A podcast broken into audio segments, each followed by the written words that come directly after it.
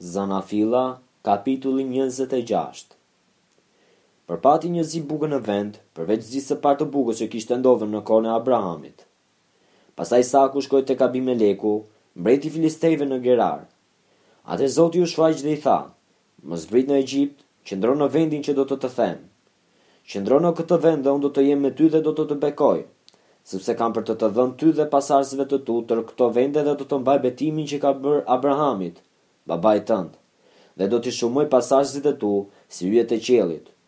Do t'u jap pasardhësve të tu tërë këto vende dhe të gjitha kombet e tokës do të bekohen te pasardhësit e tu, sepse Abrahami iu bind vullnetit tim dhe respektoi urdhrat, urdhërimet, statutet dhe ligjet e mia.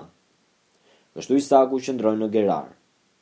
Kur njerëzit e vendit i bënin pyetje rreth gruas së tij, ai u përgjigj, Është motra ime, sepse kishte frikë të thoshte, është gruaja ime, sepse mendonte, Njerëzit e vendit mund të më vrasin për shkak të Rebekës, sepse ajo është e pashme. Kur kishte kaluar një kohë e gjatë në atë vend, Abimelekut, mbretit të filistejve, i rastisi të shikojë nga dritarja dhe pa Isakun që përkëdhelte Rebekën, gruan e tij. Atëherë Abimeleku thirri Isakun dhe i tha, Ajo është me siguri gruaja jote, Si bëhet që ti the, Ajo është motra ime? Isaku iu përgjigj, Sepse thosha, Nuk do të doja të vdisja për shkak të saj. Abimeleku tha, Ç'është kjo që na bëre? Ndokush nga populli mund të binte lehtë në shtrat me gruan tënde dhe ti do të na kishe ngarkuar me faj të rëndë. Kështu Abimeleku i dha këtë urdhër tërë popullit, Kushdo që prek këtë njeri ose të shoqen, do të dënohet patjetër me vdekje.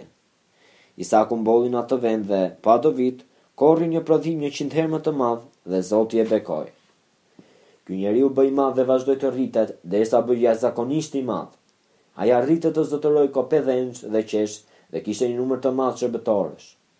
Kështu filistejtë e patën zili, dhe për këtë arsye i zunë, duke i mbushur me dhe, tërë puset që shërbëtorët e babait të tij kishin hapur në kohën e Abrahamit, atit të tij.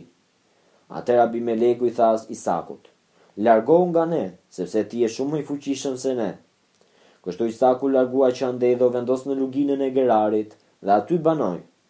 Isaku filloi të hapë puse uji që ishin hapur në kohën e Abrahamit, atit të tij, dhe që filistejtë i kishin mbyllur pas vdekjes së Abrahamit, dhe u vuri po ato emra që u kishte vënë babai i tij. Pastaj shërbëtorët e Isakut gërmuan në Luginë dhe gjetën aty një pus me ujë të freskët. Por barinjtë e Gerarit u grindën me barinjtë e Isakut, duke thënë, Uji është yni! Dhe ai e quajti pusin Esek, sepse ata kishin kundërshtuar. Shërbëtorët hapën pastaj një pus tjetër, por ata kundërshtuan edhe për këtë, dhe Isaku e quajti Sitna.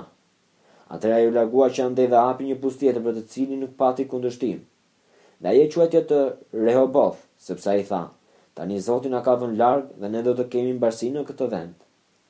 Pastaj së këtejmi Isaku u ngjit në Bersheba, dhe Zoti iu shfaq po atë natë dhe i tha, Unë jam Perëndia i Abrahamit, babait tënd, mos ki frikë, sepse unë jam me ty. Do të të bekoj dhe do të shumoj pasardhësit e tu për hir të Abrahamit, shërbëtorit tim. Atëherë ai ndërtoi në atë vend një altar dhe përmendi emrin e Zotit, dhe po aty ai ngriti edhe çadrën e tij. Aty shërbëtorët e Isakut hapën një pus. Pastaj Abimeleku nga Gerari shkoi tek ai bashkë me Ahucathin, mikun e tij, dhe me Pikolin, kreun e ushtrisë së tij. Dhe Isaku u tha atyre, Pse keni ardhur tek unë, përderisa më urreni dhe më keni larguar prej jush?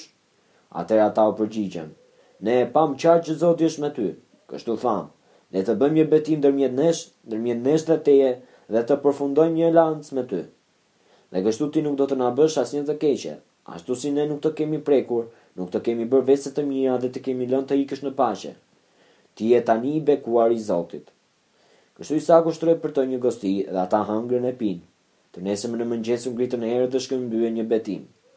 Pastaj Isaku i përcolli dhe ata ikën në paqe. Po ato ditë ndodhi që shërbëtorët e Isakut erdhën për ta lajmëruar për pusin që kishin hapur duke i thënë, Kemi gjetur ujë. Dhe ai e quajti atë Shiba.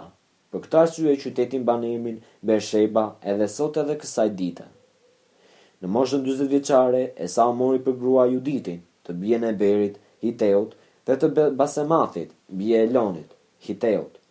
Këto u bënë shkas për një hidhërim të thellë të Isakut dhe të Rebekës.